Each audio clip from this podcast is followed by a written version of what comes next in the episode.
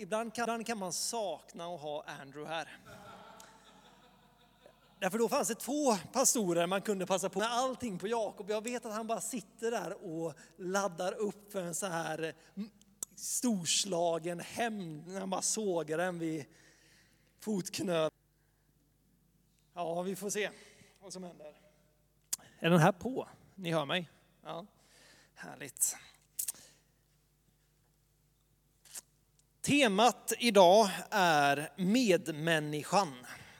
Eh, och jag tänker att jag ska försöka, jag kan säga så här, Bibeln är full av fantastiska texter, utmanande texter som talar om att vi ska älska våran medmänniska. Att vi ska tjäna varandra och se varandra. Och alltså när man väl börjar bläddra i de här texterna så inser man att det är en sån kopiös guldgruva. Eh, så därför har jag valt att gå en liten annan väg. Att inte, inte bara gå ner i det, det enkla, utan jag har fått en tanke som jag vill försöka förmedla. Eh, jag vet inte hur det är med er, men att tänka att jag, jag älskar Gud, den är ganska lätt ändå. Gud har gjort fantastiskt mycket för mig i mitt liv. Hans nåd över mig och det man får läsa, löftena han ger, det gör att man fylls med en tacksamhet. Det är inte alltid lätt att älska Gud, men det finns ändå där igen. Och sen kommer de här texterna om att älska din nästa som dig själv. Behaga Gud genom att älska din nästa. Och sen inser man att människor är rätt svåra att ha att göra med. Det finns många anledningar till att brottas med frågan om att älska sin nästa. Jag vet att när jag var i Indien för ett par år sedan så hade jag en eh, klasskompis. Eh, han var svärmorsdröm. Han var oerhört snäll. Han sa alltid perfekta. Det var alltid så här gudsfruktiga ord som kom ur hans mun. Och jag störde mig på honom något så fruktansvärt. Det var, nu när jag tänkte på det i efterhand, det var, jag kan inte liksom sätta fingret på vad det var som irriterade mig. Men det var gång på gång någonting där som gjorde att jag var lite irriterad på den här killen. Och jag kommer vi hade tider så när man fick gå fram och man fick bekänna det här, man fick be om förlåtelse för att man på något sätt höll något slags agg. Ja, men det fanns ju inte ens någonting att vara sur på. Men det bara var någonting i mig där som gjorde att det här, den här relationen var svår. Och det är utifrån det som jag på något sätt vill försöka ta avstamp. Därför att älska människor är inte alltid lätt, även om de inte har gjort några tydliga fel eller om de har gjort mängder med fel. Jag vill börja med att gå tillbaka lite till det som vi sjöng tidigare här, eller som Martina ledde oss i tillbedjan och även det som Jakob predikade om förra veckan. Friheten i Kristus. Jakob pratade då om hur, när våran förståelse, det är nu han sitter här och ser vad, om jag har rätt eller inte här, vad säger det? Medveten om att det är ett minfält. Så som jag tolkade Jakob, det kan han inte invända mot. Jag tolkade Jakob var att när vi möter med Jesus, när vi får en ny förståelse om vem han är, så förändras också bilden av vilka vi är. Att förstå hur älskade vi är av Gud, det gör någonting med vårt hjärta. Det startar en process där vårt hjärta går från hårt till mjukt. När vi börjar agera annorlunda från det sättet som vi har agerat tidigare. Man börjar uppleva frihet på olika områden. Och så läste Jakob ifrån en text i Bibeln, jag ska inte säga vart den står för då kan man säga fel.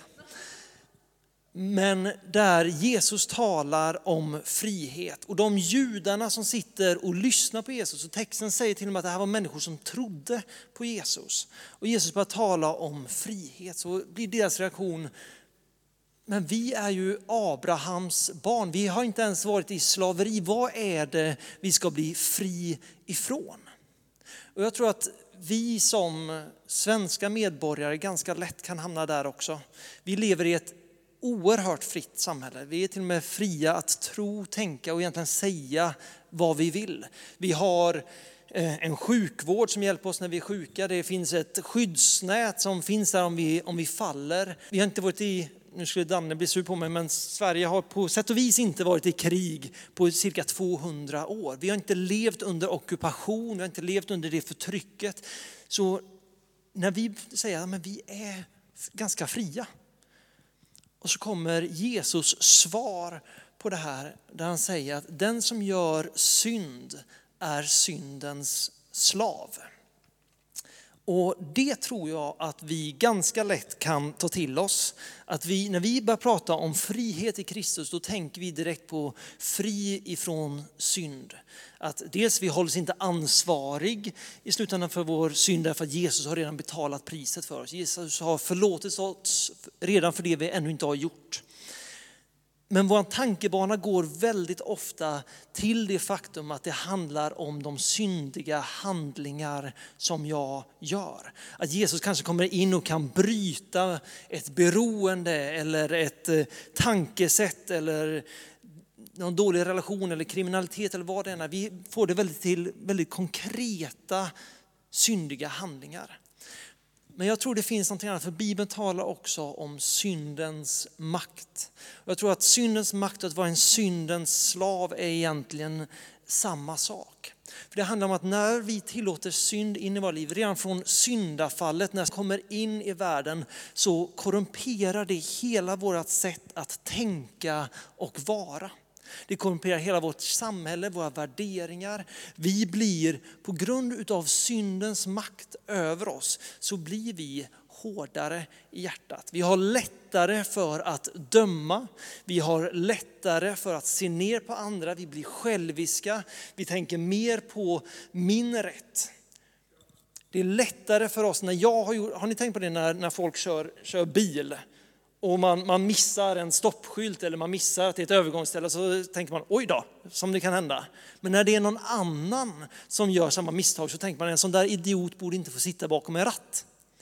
Den här ganska, konst, den ganska snabba reaktionen med att döma någon annan men man ser på något sätt förbi sina egna brister. Allt det där kommer ifrån ett perverterat sinne där djävulen hela tiden är inne och försöker att förvrida vår världsbild, vår självbild, vår bild av vem Gud och vem en annan människa är. Det blir liksom följderna av synden, av syndens makt, av att vara en syndens slav. Och det genomsyrar oss till stor del och det genomsyrar definitivt vårt samhälle. Så när Jesus talar om att komma in och ge oss frihet så handlar det, går det så mycket djupare än att bara förlåta och göra oss fri från ett syndigt agerande eller syndiga handlingar. Han vill komma in med sin kärlek, visa dig precis hur älskad du är hur värdefull och önskad du är av Fadern själv.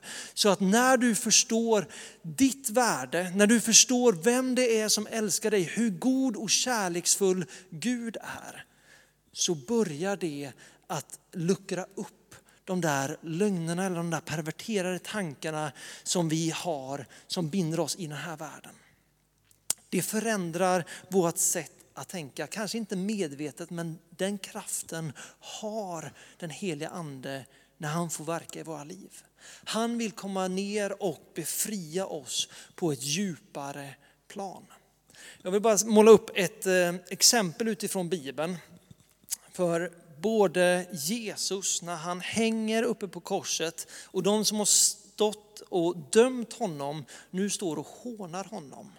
Han reagerar på samma sätt som Stefanus sen gör när männen håller på att stena honom till döds.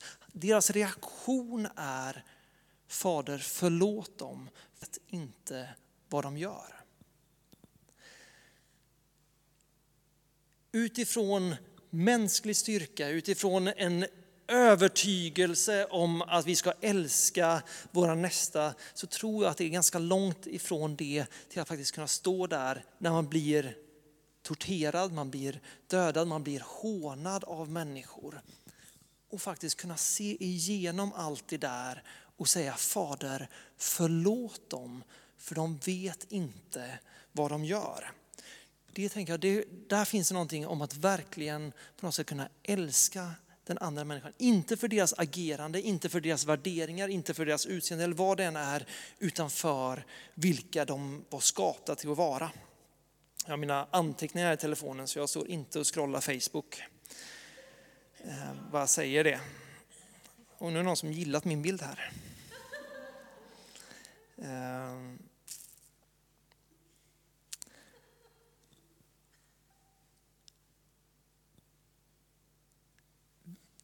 Första Johannes kapitel 4, vers 19 säger att vi älskar därför att han först har älskat oss.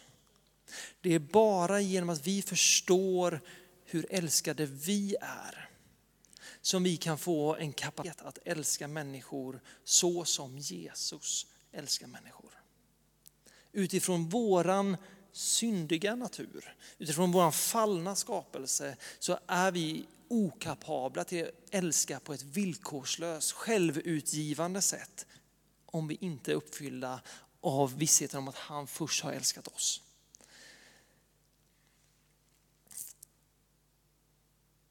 Och jag tror att det är det Jesus gör i det som vi kallar helgelseprocessen. När vi blir mer och mer lika Jesus. Det han egentligen gör, det som är hans budskap, det är att han försöker få oss att lära oss att älska.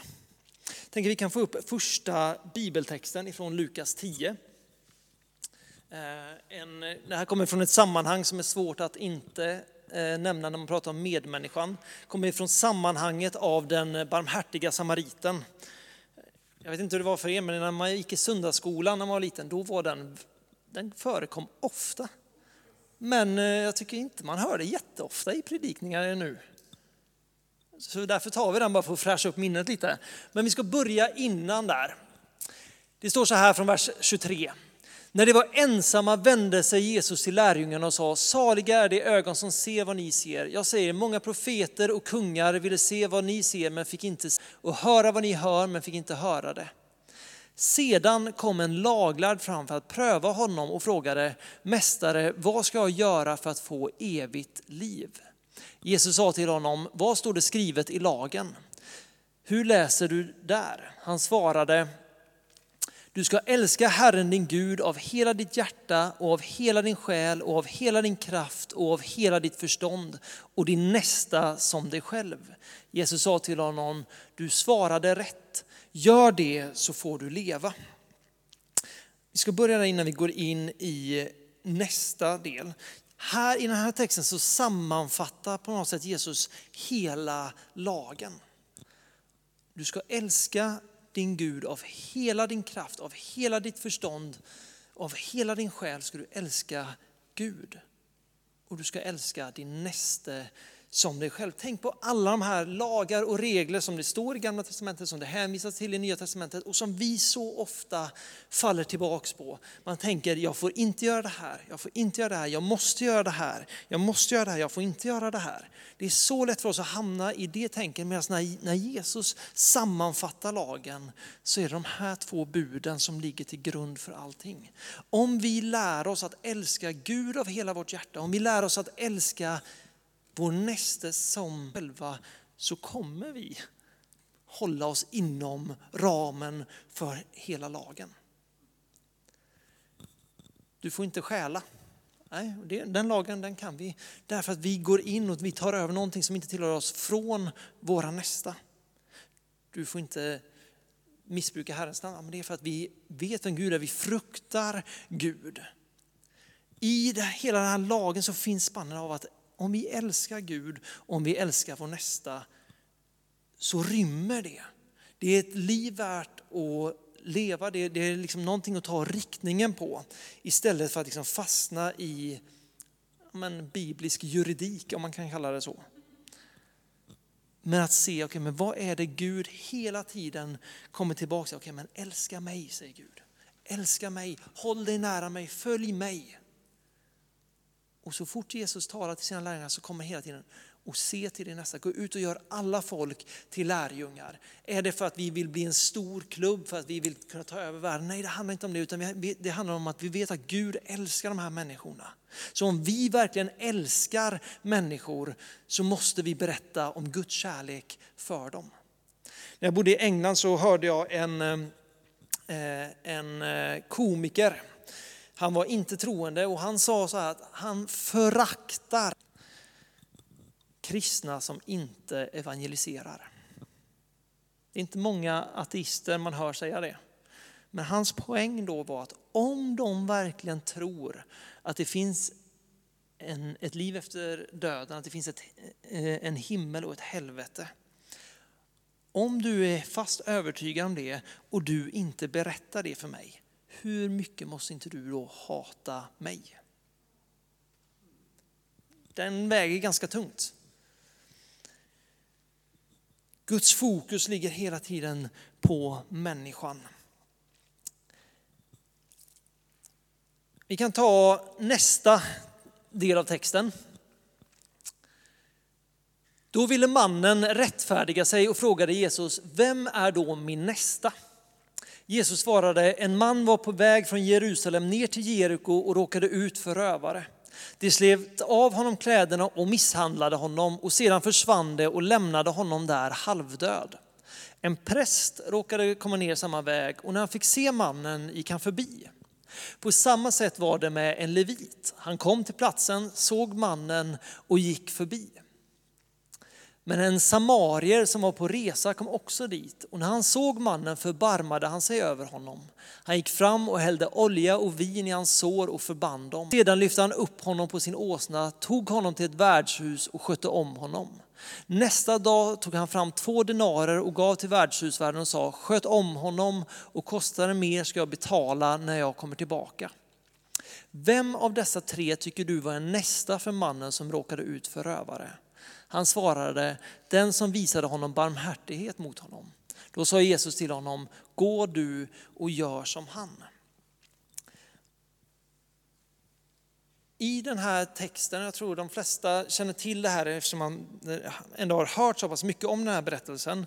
Men först kommer liksom det andliga ledarskapet, den andliga eliten i samhället, ser mannen och går förbi. Och jag skulle bara vilja ta ett exempel som då inte bara rör sig om kyrkan, men vi kan säga att en pastor, Andrew Thompson, går förbi en man som vi tänker direkt, men som pastor, som ledare för kyrkan, måste kunna visa kärlek och för det är att uppfylla Guds lag.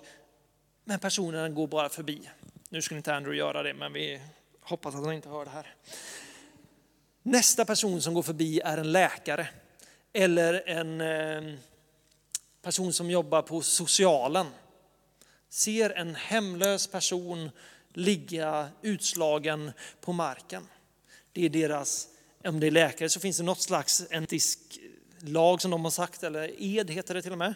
Eh, att hjälpa den, den sårade, den skadade. Personen går också förbi.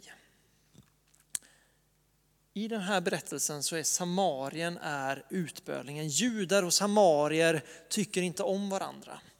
Den här personen går förbi, ser mannen och förbarmar sig över honom, får medlidande med honom och hjälper honom. När jag läste den här texten idag så det som slog mig var så att han såg inte när han gick förbi, han såg nog inte, här ligger en nedslagen jude. Eller i vårt sammanhang, här ligger en nedslagen, säg någon vi inte tycker om då, en rasist. Eller eh, om du nu är rasist, en invandrare. Eller en miljöpartist eller vad det nu än kan vara. Han såg människan. Det är så lätt för oss att vi fastnar i att se vilken grupp den här personen tillhör, vilken bana genom livet den här personen har valt, vilken religion hon tillhör, vilket land, vilka livsval. Och man glömmer att se människan. Vi kan ta tiggarna som sitter utanför Hemköp. Jag skulle säga att man får tycka precis vad man vill om organiserat tiggeri man kan ha argument om att det är organiserad kriminalitet bakom det där, eller vad det än är. Men när du står framför en person som sitter där utanför så är det inte ett nätverk du ser. Det är inte bara en flykting utan det är en, det är en människa som sitter framför dig. När vi möter en, en flykting som har tagit sig hit ifrån Syrien eller Afghanistan och man får tycka vad man vill om svensk invandrarpolitik. Man kan tycka att vi kan inte ta emot så många därför det kommer kollapsa vårt välfärdssamhälle. Ska vi kunna ta hand om de som kommer då måste vi göra si eller så. Det är helt okej okay att tycka vad man vill om svensk politik och hur vi bör agera. Men när du står med en person framme, framför dig så handlar det, han är inte svensk politik. Han är inte alla tiotusentals flyktingar som kommer utan han är en människa som behöver din hjälp. Och jag tror att det här är en sån sak som verkligen har fått förändra mig under min tid i Linnékyrkan. Jag har varit här i ungefär fyra år nu. Och jag tror att en sak som Gud hela tiden, när jag ser på min resa här, som Jesus hela tiden försöker lära mig, som han hela tiden försöker överbevisa mig om att jag tänker eller agerar eller gör fel. Det är att det finns en människa bakom varje historia. Jag har mött många missbrukare i mina dagar. Jag har inte pratat med så många missbrukare. Jag har mött många kriminella i mina dagar har inte pratat med så många kriminella innan jag kom hit. Blir församling med folk som har haft missbruk eller som är i ett missbruk. Jag får tack vare Linnéakyrkan så får jag börja jobba ner på Betelskeppet där jag dagligen mötte människor i kriminalitet, i missbruk. Jobbar nu på Räddningsmissionen med människor i missbruk eller kriminalitet. Och det jag slås av varje gång när man börjar prata med dem, jag håller inte med om deras livsval, jag håller inte med om brotten de har begått, men bakom varje person så finns det en historia.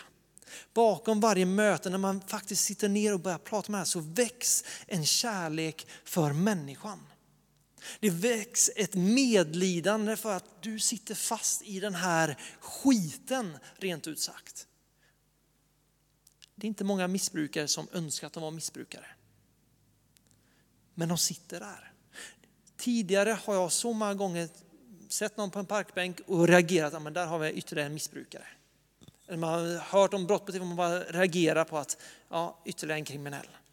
Men det är när vi börjar se människan bakom som kärlek faktiskt kan börja väckas till personen. Och jag tror att det är det som händer i den här berättelsen. Den här personen ser människan ser inte allt den människan står för eller allt den, människa, allt den människan har gjort utan han grabb, drabbas av medlidande.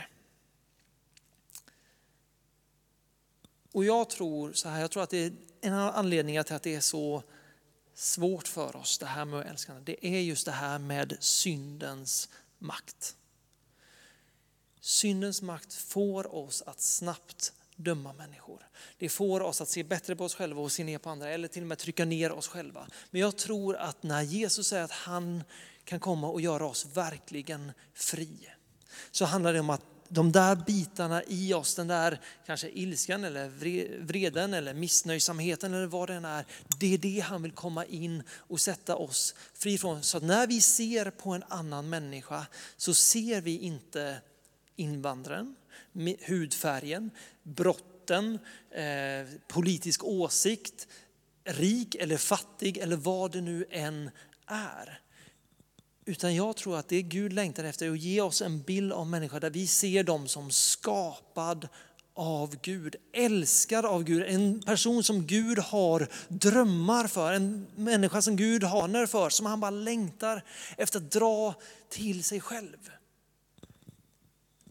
Medan vi så snabbt hamnar i att se allt det där ytliga. Men om vi ser på oss själva, om jag ser på mig själv och inser att okay, men alla mina fördomar, alla mina synder, allt det där som jag har gjort fel, om det beror på syndens makt, om inte det är vem jag är skapad till vara, för Jesus säger att jag är underbart skapad.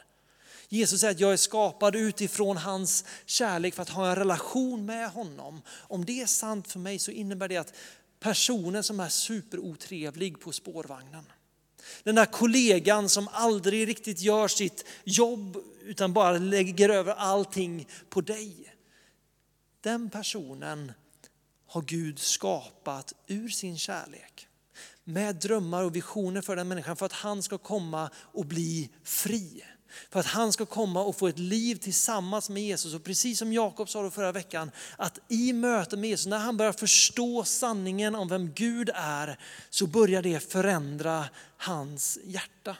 När hans hjärta börjar mjukna, då börjar också helgelseprocessen. Då börjar vi förvandlas till att bli mer lika Jesus så att vi sen kan börja älska andra. Jag tror inte på ett logiskt plan på omöjliga fall. Jag kan märka på mig själv ibland när man jobbar med människor, man tänker den här människan kommer aldrig klara det. Den här människan kommer aldrig få ihop det. Den här människan kommer aldrig ta sig ur det den sitter fast i. Och det är sant på ett plan. Det finns människor som har hamnat så långt ner i skiten eller är så fast i sitt beteende att det inte finns en väg ut så länge inte the miracle worker, the waymaker griper in. För Gud så finns det inga omöjliga fall. Och det är med de ögonen som vi måste börja se på människor trots hur de än beter sig, vad jag än tycker och känner, att faktiskt kunna se det som Gud har lagt ner i den människan och veta att Gud har en plan för dem.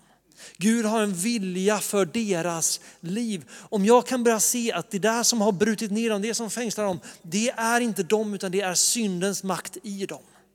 Då kommer vi börja hata synden men älska människan.